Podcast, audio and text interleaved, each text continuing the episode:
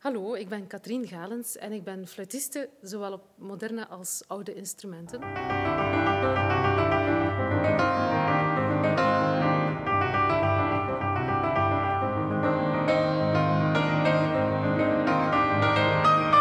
Podcast Freelancer.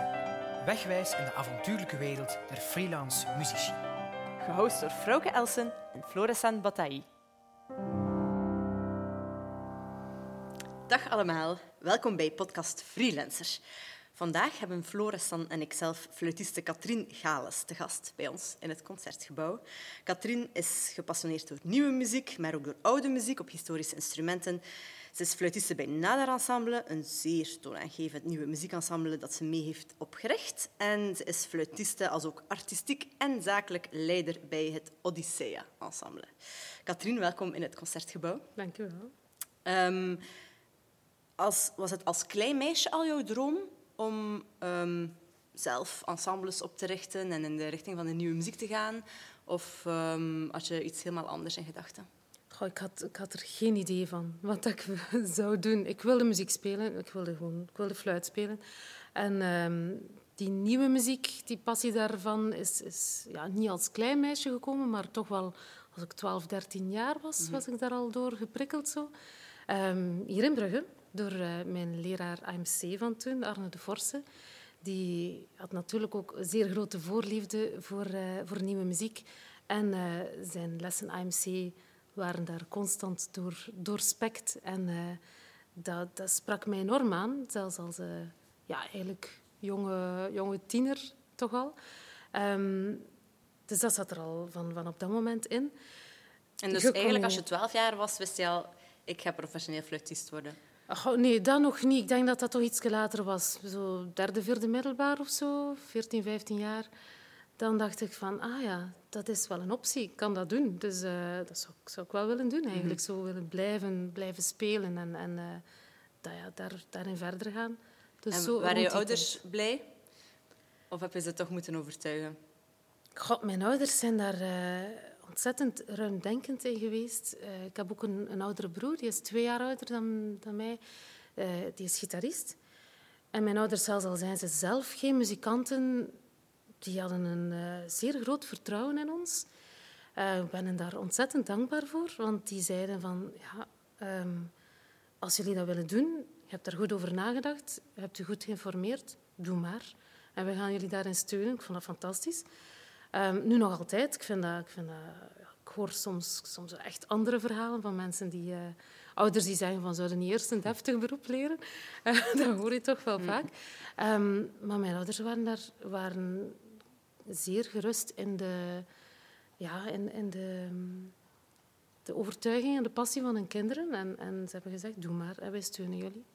En dan ben je naar het conservatorium gegaan, um, samen met... Uh heel veel andere fluitisten was dat in die tijd. Hè. Dan studeren toch op dat moment heel veel uh, studenten um, voor, voor uh, klassieke dwarsfluit eigenlijk. Um, was dat echt knokken om een plaatsje te veroveren tussen je medestudenten? Goh, dat, was wel, dat is wel zoeken natuurlijk. Ja. Want inderdaad, eh, ook al aan de muziekschool waren er... Uh, waren er heel veel. Dat, was echt de, dat waren de gloriejaren van, van de fluit. Hè.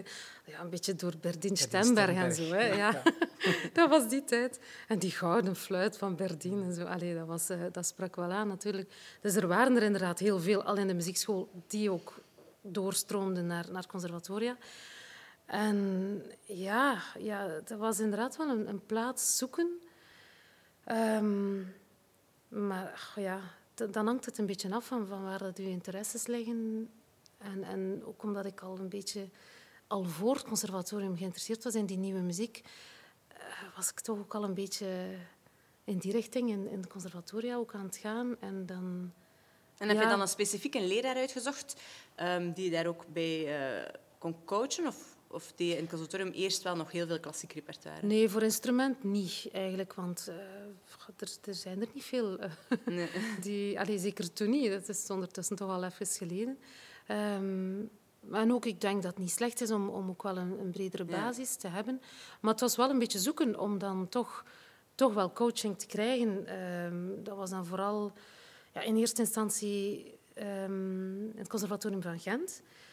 Ehm, ik heb daar zo'n beetje dan mijn weg daarin gevonden door wat samen te werken met componisten. En eh, ook daar was er toen wel al ensemble nieuwe muziek. Dus meer in ensemble-context werd je daar dan wel in gecoacht. In het Conservatorium van Brussel ook was dat veel meer in, in projecten en in ensembles. En verder ja, was dat toch een beetje zelf uitzoeken nog op dat moment. Um, dat is nu misschien wel wat veranderd. Misschien is er nu wel meer aandacht uh, voor dus nieuwe muziek master, als deel. Dus de master nieuwe muziek in het conservatorium in Gent, die je specifiek kan volgen nog na je opleiding. Ja, de master na master, dat bestond toen nog niet. Um, dat is pas opgericht als ik, als ik afgestudeerd was. Maar dus ik heb wel dan na mijn master in Brussel ben ik nog naar Straatsburg geweest. En dat was dan wel specifiek ook... Uh, dat heette zo, specialisation, cycle de specialisation. Dat was in, uh, in uh, hedendaagse muziek. En dan heb ik echt wel mijn leraar gekozen. Mario Caroli was dat, die, die heel erg gespecialiseerd is in, in, nieuwe muziek. Dus op dat moment heb ik wel voor een instrumentleerkracht gekozen die daar, die er echt helemaal in thuis was. Mm -hmm. En dan... Um redelijk snel nadat je was afgestudeerd, denk ik, komen dan die eerste projecten met Nadar-ensemble. Mhm. um, dat is ondertussen toch al uitgegroeid tot een zeer toonaangevend ensemble. Als ik uh, in het buitenland ben, dan zegt iedereen toch oh, van België, dan met Nadar en zo, toch wel in het buitenland het meest zichtbare, denk ik, Belgische nieuwe muziekensemble. Um, hoe, is dat, hoe heb je dat uit de grond gestampt? Goh, dat, is, uh, dat is een bijzonder verhaal eigenlijk. Want in 2005 ben ik afgestudeerd en was ik daar dus wel volop mee bezig met nieuwe muziek. Het was in de loop van ja, ergens 2006. Um, had je, uh, Daan Janssens en Pieter Matijnsens kenden elkaar heel goed. Die studeerden samen ook en zo. Ik kende Daan een beetje, Pieter nog niet echt. Uh, maar Pieter was ook kunsthistoricus en die was een, onder andere een tentoonstelling aan het opbouwen met werk van mijn vriend, die, die kunstenaar is. Hmm. En zo, op die manier, hij was dan op atelierbezoek uh, bij mijn vriend, bij Olivier.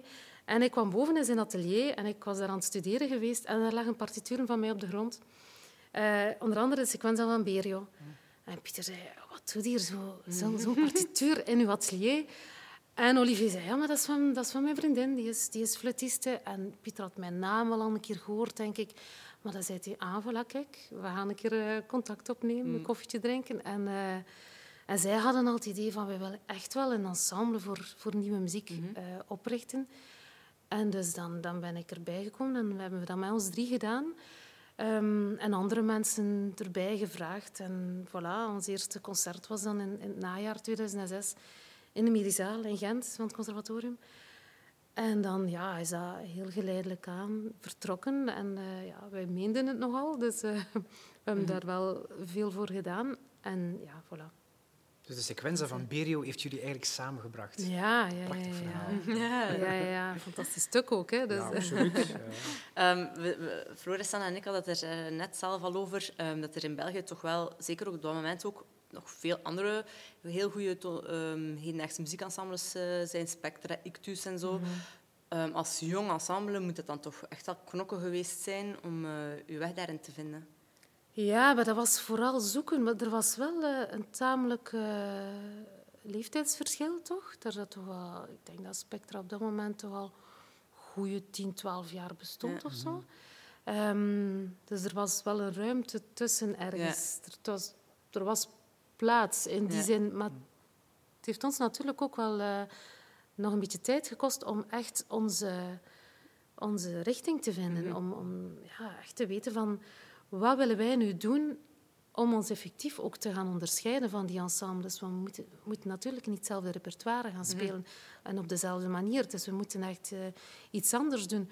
Dus als je, bekijkt naar, als je kijkt naar onze eerste programma's, dan, dan kon dat nog veel aansluiten bij Spectra en zo. Ja, dan, uh, daar zat ook Berio bij. Uh, een van onze eerste stukken was O King van Berio. Um, dat kon even goed Spectra spelen, natuurlijk, op dat moment.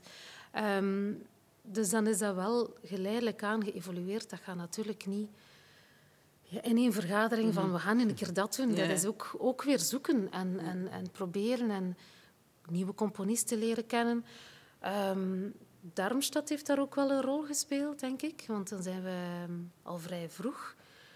Um, ja, Sommige mensen in ons ensemble kunnen exact zeggen van dat jaar uh, deden we dat. Ik kan dat niet zo goed. Maar dan zijn we vrij vroeg naar Darmstad gegaan. Uh, ja, als, als echt groentjes. Hè. We dachten van, we gaan daar nu officieel staan in Darmstad, de, het mekka. Uh, dat, dat moet wel beetje... zijn omdat jullie echt een interessant programma hadden toen. Dat was helemaal dankzij uh, Lucas Perron van Ictus. Uh, die een ongelooflijke belangrijke rol gespeeld heeft en nog speelt eigenlijk. Is nog hmm. altijd voorzitter van onze raad van bestuur. Um, en als, als Nader nog niet zo lang bestond, kregen wij opeens zo, zo een berichtje van kom dan een keer met ons babbelen. En uh, ja, wij met knikkende knieën naar Brussel. Ja. Oei, we gaan bij Ictus. Ja, Ictus, ja. dat waren onze idolen natuurlijk. Hè. Nog altijd, dat is een fantastisch ensemble. En uh, dus wij gingen naar Brussel van, ja, kunnen we daar ook van verwachten? Maar dat was echt um, ongelooflijk genereus met de bedoeling om ons echt te helpen. Ze, ze, zagen ons komen en ze zeiden van, die gasten hebben precies wel veel goesting om iets te doen en, en er zit daar wat in. Um, ja, dat was echt... Een vanuit een, uh, ja, ja, vanuit een enorme generositeit. Zo, kom een keer af, kom een keer babbelen. En, maar dat is ehm, echt zalig. Ja, ja fantastisch. Uh, we hebben daar heel veel aan te danken. Ja, dat is toch eigenlijk wel een heel mooi voorbeeld van hoe dat samenwerken veel interessanter kan zijn dan... Uh, ja. Uh, ja, elkaar, elkaar niet tegenwerken. Hè? Ja, ja, nee. Ook, um, zij hebben ook gezien van ja, zij zagen ons nooit als concurrentie of zo, maar ze dachten, ah, interessant, die kunnen we helpen. Conculega's. Uh, ja, dat was een afschuwelijk woord. Hè, maar... maar dan heeft uh, Lucas inderdaad dus, um, bij uh, Thomas Scheffer van, van Darmstad gezegd van, mm -hmm. je moet die een keer programmeren. Ik, een soort daar borg voor staan. Zo van, ja. Dat gaat goed zijn. En, uh, en die zei, oké, okay, ja. ja. vertrouwen daarin. En voilà, wij stonden daar. Ja. Dus ja, dat zet veel in gang, hè, zoiets daar staan. En ja, en, ja bon, voilà. En als je nu vooruit zou kijken, of vooruit zou springen de tijd, het is nu 2022, de identiteit van Nadar, waar staan jullie voor? Wat is jullie mission statement? Is dat dan nu concreter geworden dan voordien? Allicht wel. Ja, ja, ja, maar dat is wel al uh, de laatste paar jaar veel concreter geworden. Want dat um, we zijn dan ook een van de eerste die echt zo...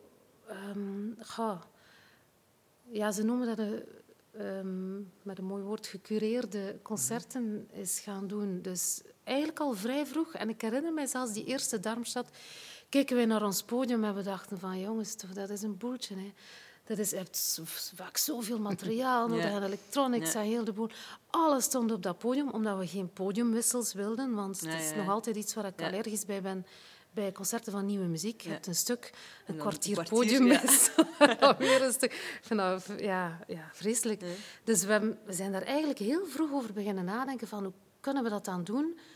Ja, de eerste oplossing was van we zetten alles op podium en we gaan daartussen gaan manoeuvreren. Maar dan is rap, zijn we rap gaan verder denken van maar kunnen we dat dan ook visueel toch een beetje beter maken? En um, dat is het hele mooie aan, aan ons ensemble, aan Nader, dat, uh, dat er zoveel capaciteiten in het ensemble zitten. En uh, we hadden bijvoorbeeld Marike Beretsen, onze, onze violiste, mm -hmm. die, um, die ook een tijd geleden ook extra scenografie is gaan studeren. En die was daar al ook rap mee bezig. Van ja, maar ja, kunnen we dat niet ja, echt scenografisch gaan vormgeven? En op die manier zijn we ook op een andere manier met componisten gaan samenwerken die mhm. ook zeiden van ja, maar ja, daar kunnen we dan video um, aan toevoegen. Componisten die specifiek ook met video bezig waren, die ons dan ook in de gaten kregen. En zo komen we echt tot, tot concerten die één doorlopend geheel mhm. vormen. Al dan niet gewoon ook één, één stuk van één componist. Dat doen we nu ook wel vaker. Dat is ook, dat is ook zeer interessant om, om te doen waar dat alles gewoon in zit. Waar het uh, visueel interessant is, waar het, ja, dat een geheel is. Dus dat gecureerde zit hem in, in de samenhang van, ja, van alles wat dat er moet gebeuren om dat zo op podium te brengen met licht, met, met electronics, met uh, video, podiumelementen, uh, opstellingen in de zaal waar het ermee gespeeld wordt. Dus dat is denk ik onze identiteit, dat we heel sterk daarop inzetten. Mm en, um, en daardoor ook ja, soms een ander publiek bereiken, denk ik. Ja, ja, ja. Door, die, door die extra elementen. Mm -hmm. die niet alleen maar een extraatje zijn, maar die echt een deel zijn van het geheel. Zo. Als ik naar het concert van Nadar kom, dan zie en hoor ik jou soms fluit spelen. En heel vaak slagwerk, Ja. eh, body percussion, andere soorten instrumenten. Ehm, eh, dat is toch ook wel iets ehm, ja, waar dat je enorm flexibel in moet zijn, denk ik dan. En ehm, iemand die er niet zoveel van kent, die zou zeggen van... Maar heb je zoveel jaar op je dwarsfluit gestudeerd om eh, dat soort dingen te doen? Ja. Nu, wij weten natuurlijk dat ehm, dat, dat juist eh, heel die, die ehm, expertise dat je hebt opgebouwd, die je in, in heel dat concept, zoals je net eh, komt van te beschrijven, ehm, gebruikt. Maar hoe zou je die verhouding tussen ehm toonladder studeren en dan die nieuwe muziekeffecten, hoe zou je dat kunnen uitleggen? ja, ik studeer ook soms nog toonladders. Ja, dat kan ik me voorstellen. Hè? Nog wel, ja. Soms. Ga, dat is ja, ook weer, zo, zoals alles een beetje, dat is enorm gegroeid. Eh, hoe dat we daarmee omgegaan zijn. Eh, binnen het ensemble ook. Dat komt ook door met bepaalde componisten samen te werken die, die meer vroegen. En, en eh, ja... Ehm, ik vind, ik vind dat heel fijn om, om meer te zijn dan enkel een instrumentist op één instrument. Ehm, het ligt een beetje in mijn karakter om, om, om van alles te willen, soms een beetje te veel. Verschillende dingen, omdat ik zo, allee, zo wel enthousiast ben om, om dingen te doen. En ehm, ik denk dat we dat allemaal wel een beetje in ons hebben bij Nadar. Dat we, ja, allemaal wel een, er is een, een, een goede, goede graad van, van zottigheid zo aanwezig. En, eh, maar ook da, da- daar, daarin zijn we ontwikkeld en gegroeid om dat te kunnen doen. Als, ons nu, als je ons tien jaar geleden zou vragen om eh, een stuk te spelen zoals dat we nu hier in première in het Concertgebouw eh, onlangs eh, een stuk van Michael Bail gebracht hebben, dan, zou, dan zouden we dat niet gekund hebben. Dan zouden we totaal niet geweten hebben hoe daaraan te beginnen. Maar ja, we geleidelijk aan is dat altijd zo wat, wat extra geworden en werd er meer van ons gevraagd. En dan is dat een wisselwerking. Dan zien componisten van, ah, maar die doen van alles. En bijvoorbeeld Michael Baal, die, die heeft zo, heel vaak ehm, op ons lijf geschreven, letterlijk op, op eh, de individuele persoon. Binnen Nadar heeft hij er dingen uitgehaald eh, waar dat we mee bezig zijn, wat dat we kunnen, wat dat we graag doen. En ons ook uitgedaagd natuurlijk, eh, om daar nog een beetje buiten te treden. Dus iedere keer dat je zoiets doet, ja, ja vergroot je comfortzone een beetje. Allee, je stapt er buiten, en, maar daarmee vergroot het ook gewoon door, door meer te doen en te merken van oké, ja, voilà, check, dat kan ik ook alweer. Vorige keer, ja, in, in dat stuk specifiek van Michael Bijl moest het helemaal uit het hoofd. waren er enorm veel scenische elementen dat we, dat we moesten bewegen, dansen, zingen. We hebben van alles uitgespookt. Ehm, maar dus ja, wij zijn daar ook zo ver in, ont, ver in ontwikkeld. Ehm, Dat ja. dat een tweede natuur is geworden. Ja, dat we dat ook niet meer zo raar vinden om te doen. En in onze groep is er natuurlijk ook wel... We kennen elkaar al zo lang, we werken Ja. al zo lang samen. Er is een veiligheid ook om, om, om dat te gaan ontdekken. Want je voelt je op bepaalde momenten nog altijd natuurlijk onzeker Ja. van... "Ach, wat moet ik nu weer doen? Hoe ziet Allee, dat er nu uit? ja, ja, dat is nog altijd zo, Dat, dat we op bepaalde momenten denken van... Oh my god, wat is dat nu weer? Maar dan voel je wel veilig genoeg om dat in de groep gewoon te doen. En dan zie je wel wat dat er gebeurt. En dan op een podium is, is niet meer zo'n grote stap om dat, dan, dan ook te doen. Is het bevrijdend om op, op zo'n manier te gaan musiceren, waarbij je inderdaad je hele lichaam op een andere manier moet gebruiken dan bijvoorbeeld in het Odyssea-ensemble, waar dan ja, moet ik noemen, iets klassieker repertoire geplaatst wordt? Heb je net meer stress voor het moderne of meer voor het klassieke, of is dat echt een, totaal andere wereld waar je telkens instapt? Ga, nee, het is, de stress zit hem op, op, eh, op andere vlakken, denk ik. Want inderdaad, bij Odyssea heb je dan, of, of als ik oude muziek speel, gaat dat nog veel meer over echt het beheersen van dat instrument. Want natuurlijk, ja, eh, het nadeel dan van zoveel te doen, dan merk ik wel, ja, wat ik daarnet zei van mijn karakter, dat ik van alles wil doen. Het nadeel is dat, dat je soms ook wel het gevoel hebt van, ja, één ding dat je dan heel goed moet beheersen. Zo'n zo'n ja, gewoon instrument. ja, simpel, maar toch. Ehm, dat je dat, dat soms ja, je een beetje onzeker in begint te voelen, inderdaad. Maar dan, ja, de, de, de stress bij, bij, iets, bij een naderproductie is dan een hele, op een heel andere manier. Dan, dan voel je ook onzeker, maar omdat het zo, zo nieuw is en dat je weer moet gaan ontdekken. Bij mijn eigen instrument moet ik niet meer ontdekken, maar moet ik moet blijven verfijnen. En ehm, daar zit dan de, het verschil in, in ja, de stress dan, of oh ja, de uitdaging misschien. Verfijnen, fit blijven. Uh, ja, ja, dat ook. Ja. Ja, Dat is mooi Zeker. gezegd. Floris, dan zul je een paar, paar dilemma's voorleggen. Dat is goed. Het is dus eh, A of B. Hè. Je mag eh, kiezen A of B en dan eh, kan je daarna wel eh, ja, filteren, zeg maar. Het fluitconcerto van Mozart of experimentele werk van Stockhausen? Mozart, maar op historisch instrument. Akoestisch of met electronics? Akoestisch toch wel, ja. Klein maar verfijnd kennerspubliek of een grote massa allezeters? Klein maar verfijnd. Klassieke concerthuizen of onverwachte locaties? Ja, dan zou ik zeggen de twee, maar dat mocht niet. Eh, ehm, ja, onverwachte locaties toch dan? Chockerend of voorspelbaar? Goh, ja, nee, geen een van de twee.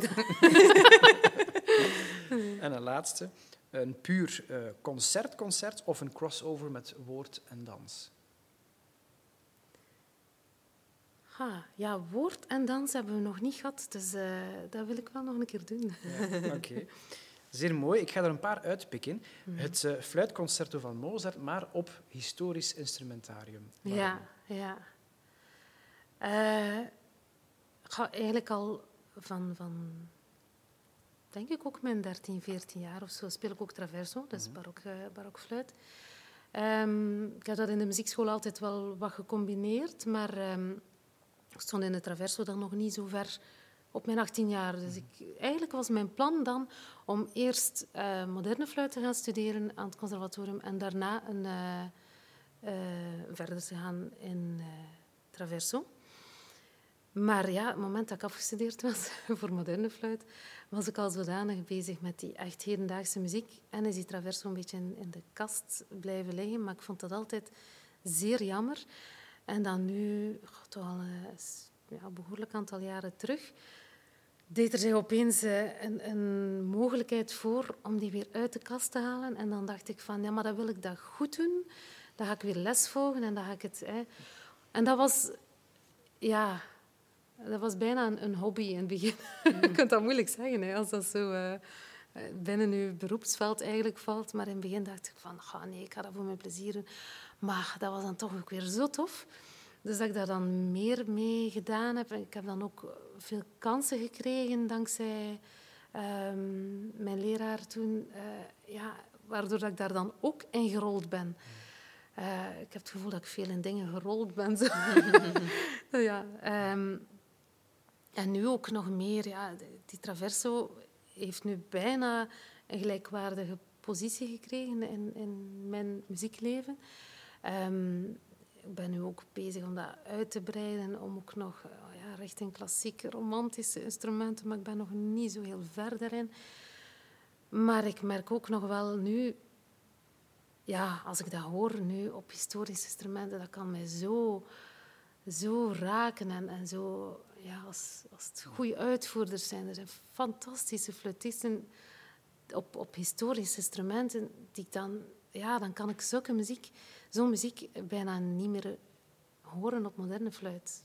Mozart, nee, dat kan ik eigenlijk, dan ga ik echt naar een andere uitvoerder op, op historische instrumenten grijpen zo, om te beluisteren. Kan het zelf nog niet genoeg. Maar met een enorme te warmte en gretigheid over de muziek. Dat is knap dat je inderdaad zo in zoveel diverse facetten nog wil, wil leren. Ook. Eh, ik denk dat iets is wat heel inspirerend zal zijn voor alle luisteraars. Hè, dat, Ja, eh, het lifelong learning, hè, dat is eh, zeer cruciaal. Nog een tweede die ik er wil uitpikken. Misschien de moeilijkste, chockerend of voorspelbaar. Dan kies je geen van de twee. Als ik even op chockerend mag inzoomen. Ik kan me voorstellen dat als je ongeïnformeerd naar een concert kon kijken van het Nader-ensemble, dat je als publiek toch misschien het gevoel hebt van wat is dat hier allemaal? Hebben jullie soms reacties van mensen die totaal niet begrijpen wat jullie doen en hoe proberen jullie ja, die connectie te maken met het publiek? Waar het bijvoorbeeld met een fluitconcert van Mozart zeer evident is, omwille van de tonaliteit en de herkenbaarheid, mm. dan is zo'n een, eh, een, ja, een, een modern werk vaak een, een heel ander paar mouwen. Ja, ja, ja, dat is waar.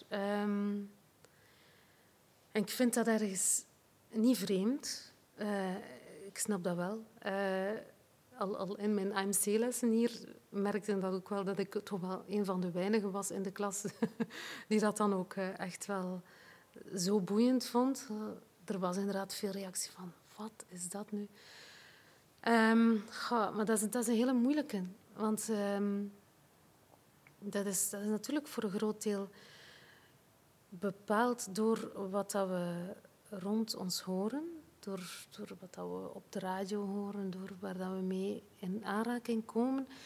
Maar ik denk dat, dat nieuwe muziek, zelfs al is het vrij hermetisch, en dan, dan bedoel ik dat niet, niet, um, niet negatief, maar zelfs al is het gewoon um, zuiver een hedendaags stuk dat gebracht wordt zonder iets te rond, zoals Danada doet, hè, maar dat gewoon um, is wat dat is. het wordt zo gebracht naar, naar luisteraars. Ik denk dat dat op zich geen probleem hoeft te zijn, maar dat heel veel luisteraars denken um, dat ze dat moeten begrijpen. En dat is ook zo bij, bij hedendaagse beeldende kunst. Ik, ik vind dat altijd... Ik stel me daar nog altijd de vraag bij van hoe komt dat nu toch dat voor hedendaagse dans, voor experimenteel theater, voor hedendaagse beeldende kunst, dat daar precies veel meer publiek voor is. En als het hedendaagse muziek is, denken de mensen van, oeh, dat is moeilijk. En zelfs op Clara hoorden van, oh, dat is toch wel een beetje moeilijk, hè, die muziek. Je zit verstopt bij uh, Late Night Shift, hè, maar inderdaad, ja, ja, ja. op de middag uh, hoor je heel zelden... Uh... Ik vind ook wel ergens, de, om nu een beetje advocaat van de duivel te spelen, dat hedendaagse muziek, dat is ook wel echt iets dat je beleeft. Ja. En dat toch wel minder, niet altijd, maar soms wel minder interessant is als je het gewoon hoort op de radio. Absoluut, ja. Kan ik misschien terugkoppelen naar het gesprek met Annelies van Parijs, ons vorige seizoen, toen ik haar de, de vraag stelde van als je, als je thuis kookt of een huishoudelijke taak doet of zo, naar waar luister je dan? Is het dan ja, niet naar Stockhausen. Nee, zeker niet naar Stockhausen. Dan is het ook Radio 1 of Studio Brussel. En, ja, ja, tuurlijk, ja. Dat, dat, ja, ik denk dat uh, vrouwke daar Wel, maar dan gaat het over de functie van de muziek natuurlijk. Hè. Dus um, als mensen naar hedendaagse dans gaan, dan gaan ze daar naartoe gaan kijken. Dat staat niet op terwijl dat ze de afwas doen, natuurlijk. Nee, nee. Uh, hetzelfde, ja. Maar muziek kan wel op een andere manier gebruikt worden. En dus is die verwachting anders. Als je bijvoorbeeld iets op de radio hoort, is die verwachting anders. Dat het ergens kan u tot, tot rust brengen of, of een fijne achtergrond kan bezorgen of om te even hoe. Maar inderdaad, het is, het is wel, als je er naartoe gaat... Ik heb eigenlijk op nog maar weinig reactie gehad van mensen die naar concerten gekomen zijn um, van nieuwe muziek of van combinaties. Van bij Odyssea um, gaan, we de, gaan we dat combineren. Gaan we Debussy naast Frederik Nijring zetten en zo, waar het er al trouwens een duidelijke link is, maar mhm. dan nog. Um, dat is iets helemaal anders als je naar een concert komt. Je ziet die muzikanten, je ziet de, de, de fysieke beleving ook, wat dat bij, bij nieuwe muziek ook heel belangrijk is. Um, zelfs als er daar dan nog niet zoveel uitleg rond is, dan is dat toch al veel, veel um, ja, dan is die toegang toch veel gemakkelijker. Want ik wil het woord toegankelijk niet gebruiken, omdat ik, dat ook een afschuwelijk woord vind. Hmm. Maar uh, dan, dan, dan zit je mee in die beleving hmm. van wat dat de muzikant doet en wat dat hij voelt en hoe dat hij dat wil overbrengen enzovoort.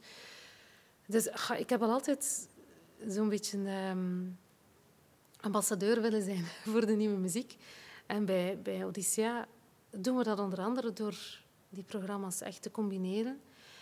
Um, Nader is zo geëvolueerd en dat was geen bewuste keuze in de zin in de, naar een breder publiek toe, maar is zowel door die um, gecureerde concerten met alles wat erbij uh, komt, ook naar een breder publiek gegaan. Want vorige keer ook bij die Michael Baal zaten um, mijn ouders in de zaal, maar ook mijn dochter. En mijn ouders die hebben natuurlijk wel al iets van, van nieuwe muziek door mij ehm, leren kennen. Maar zijn ook niet, niet altijd de grootste fan. Maar dat vonden ze fantastisch, die voorstelling. En mijn dochter en mijn neefje en nichtje van diezelfde leeftijd, dat is negen en tien jaar en zo, die vonden dat ook fantastisch. Maar die snappen ook niet altijd wat dat er allemaal achter zit. Maar dat hoeft niet altijd per se ook zo te zijn. Ik denk dat mensen zich vaak laten afschrikken door uh, het schijnbaar uh, complexe en geslotene van die muziek, terwijl dat heel direct kan zijn en dat je gewoon dan op je af mag laten komen en, en u dat laten meevoeren naar waar dat, dat ook gaat. Dat kan zijn dat dat uh, ja, een minder aangename fysieke ervaring is, bijvoorbeeld. Dat kan mhm. heel goed zijn. Het is niet altijd dat je er vrolijk van wordt. Van het is niet esthetisch. Het is niet alleen mooi, natuurlijk. Hè, en dat is ook niet de bedoeling. Maar um, het zal u altijd wel ergens brengen, denk ik. Mooi. Um, jouw enthousiasme en gretigheid is voor mij heel herkenbaar. Niet alleen een combinatie van, van nieuwe muziek en oude muziek en zo, maar ook um, ja, het feit dat je zelf natuurlijk heel veel organiseert, um, ensembles uh, probeert aan te sturen, concerten probeert te verzilveren, subsidiedossiers, geld overal probeert te, uh, te sprokkelen. Um, dat soort organisatorisch werk, dat kan je echt 48 uur per dag bij wijze van spreken mee bezig zijn. Mm. Hoe bewaak je je work-life balance? Oh. Niet. ja. Volgende vraag. Ja. Uh, vraag dat is aan mijn huisgenoten. nee. uh, ja, dat, dat, is een hele moeilijke. Ja, voilà. Ik ben 40 jaar, maar ik weet het nog niet. Sorry voor de luisteraars die dachten daar iets uit te halen, maar uh, nee. Um, ja, nee, dat, dat, dat, is een constante zoektocht. Want uh, ik weet van mezelf... Um, ja, mijn positief punt is mijn negatief punt ook. Mm. Hè. Dus, uh, die, die gretigheid van ik wil van alles doen. Ik kan zo soms nog ergens thuis een keer zeggen van oh, dat zou ik nog een keer willen leren. Dat mijn vriend zegt van... Daar is ze weer. wanneer gaat het dan nu nog doen? um, ja. En bij, bij uitbreiding, um, het organisatiewerk is als muzikant een eerlijke prijs vragen is al moeilijk, maar als organisator, zeker als het over je eigen ensembles gaat, nog veel moeilijker, denk ik. Ja, ja. Um, hoe, ja, hoe, hoe, bewaak je dat een beetje? Ja, dat krijg je niet. Hè. Er is geen um, eerlijke prijs voor, voor organisatoren. Ja, het is maar um, een keer als je als ensemble uh, structureel gesubsidieerd bent en dan nog dat voor dat werk, dat organisatorisch werk, dat daar iets tegenover staat. Um, het, is, het, is, een realiteit dat er ontzettend veel vrijwilligerswerk gebeurt in onze sector. Dus, uh, er wordt, uh, ja, zelfs ook bij, bij ensembles die projectsubsidies krijgen, dat is nog zo'n groot deel van vrijwilligerswerk door muzikanten uh, achter, achter de schermen. Dat is allemaal niet zichtbaar natuurlijk naar de buitenwereld, maar dat is... Uh, denk ik nog wel een beetje een probleem. Um, ja. En als, als jonge fluitiste, toen je dan nog niet zo lang was afgestudeerd, um, ging je dan op zoek naar, um, naar ergens een, een, een vast uh, deel van je inkomen of zo? Of hoe heb je dat precies... Uh... Ja, ik heb van alles gedaan.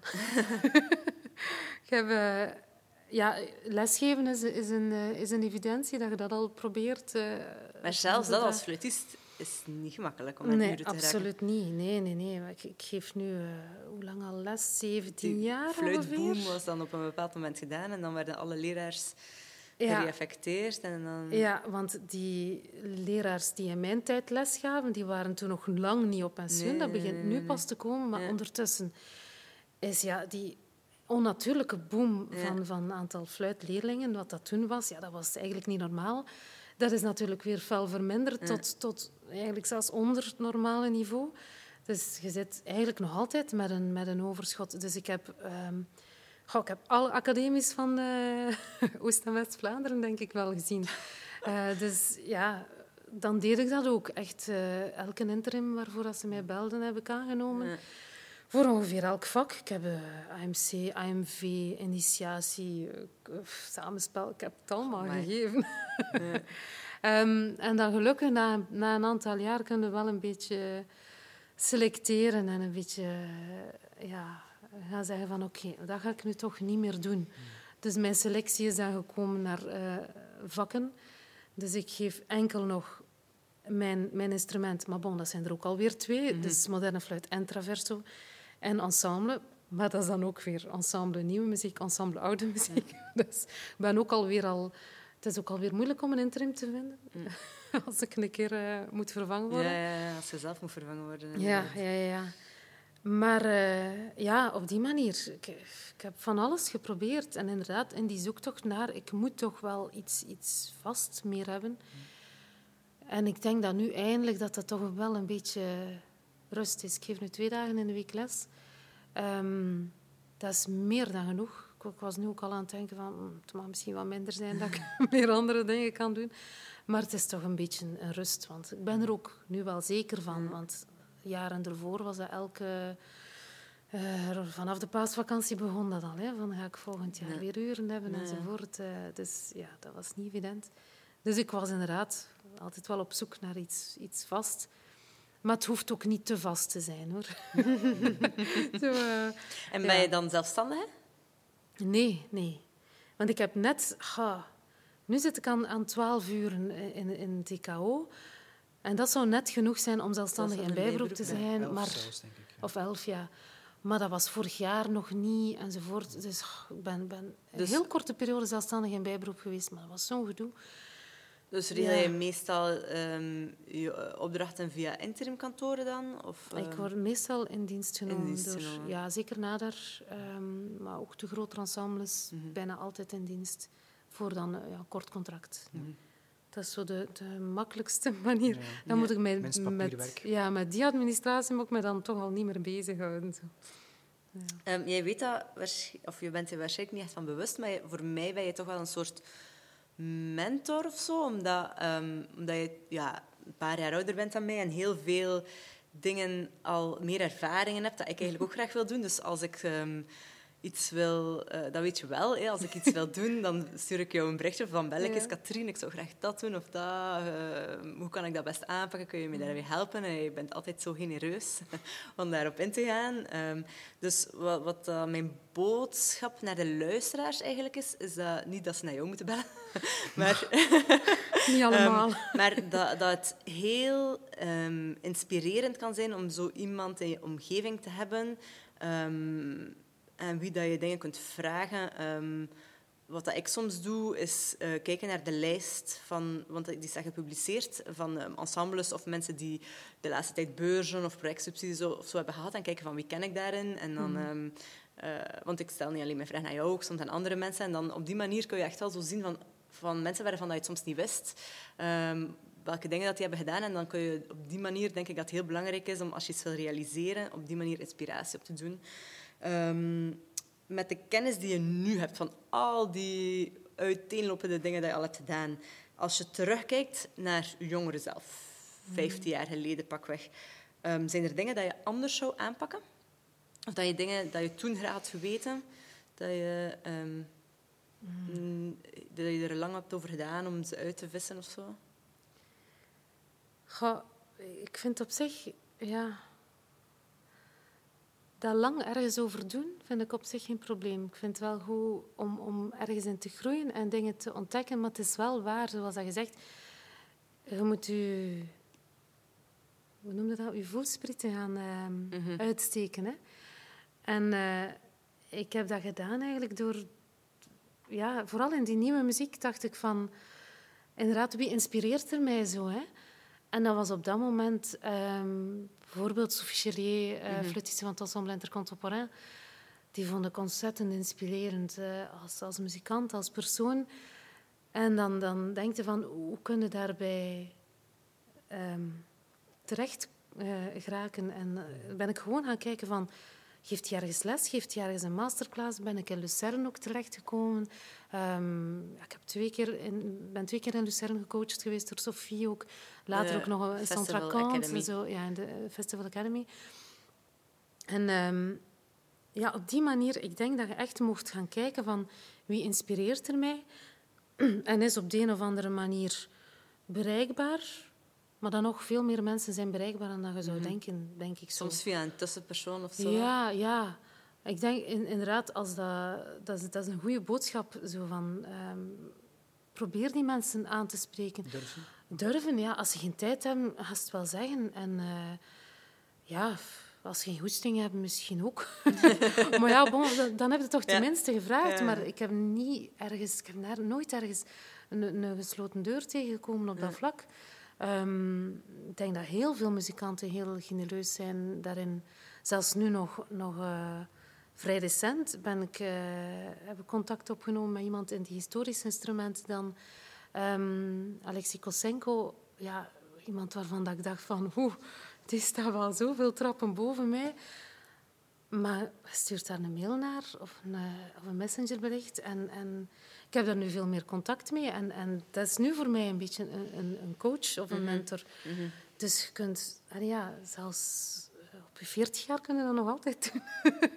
je mocht dat blijven doen, denk ik. En, en zeker ook ehm, eh, als, als jonge muzikant denk ik dat je nog veel meer toegang hebt. Dus vooral, vooral doen. Hm. Ja, want dat valt mij toch altijd op in die gesprekken dat wij hebben met, ehm, met alle artiesten, dat heel veel van de mogelijkheden er zijn gekomen door, door te praten, hè, of, of door, Ja. door inderdaad ehm, andere mensen die een, hebben kansen eh, geboden of zo. Ja, en door te durven, hè. je gaat wel een Ja. keer met je hoofd tegen een muur lopen. Hè, maar bon, ja, dan, dan moet je terug recht staan. En, en ga je er altijd iets uit geleerd hebben. Maar als je het niet geprobeerd hebt, dan, ja, ja, dan, dan gaat het ook niet geraken natuurlijk. Hè. Maar ja, zeker, zeker durven en proberen. Denk ik. Meestal gaat het toch iets positiefs eruit halen, denk ik zo. Zeer mooi. Ik denk dat dat eigenlijk een mooie noot is om dit eh, gesprek stilaan af te ronden. Ik denk dat uw gouden raad moet ik niet vragen, want je hebt ze net eh, heel mooi eh, toegelicht. Ik denk dat we een zeer boeiend gesprek hebben gehad met eh, iemand die vele hoedjes op heeft, zowel in de oude muziek, de ja, gewone klassieke muziek, laat ik zeggen, en de hedendaagse muziek. Ik zou zeggen, blijf die gretigheid voeden tot je laatste snik. En ik denk dat de luisteraars hier alleen maar ja, een voorbeeld aan kunnen nemen. Katrien Galens, enorm bedankt. Dank je wel. Het was fijn. Merci. Dit was Podcast Freelancer. Wij zijn Frauke Elsen en Flora San Bataille en Stefan Vermeers en David Carnet achter de knoppen. Laat ons zeker weten wat je ervan vindt. Laat een berichtje achter op onze Instagram of Facebookpagina of stuur een mailtje naar podcastfreelancer.gmail.com. Onze enorme dank gaat uit naar onze partners bij Pro Services, Concertgebouw Brugge en Maak Knokkenheist.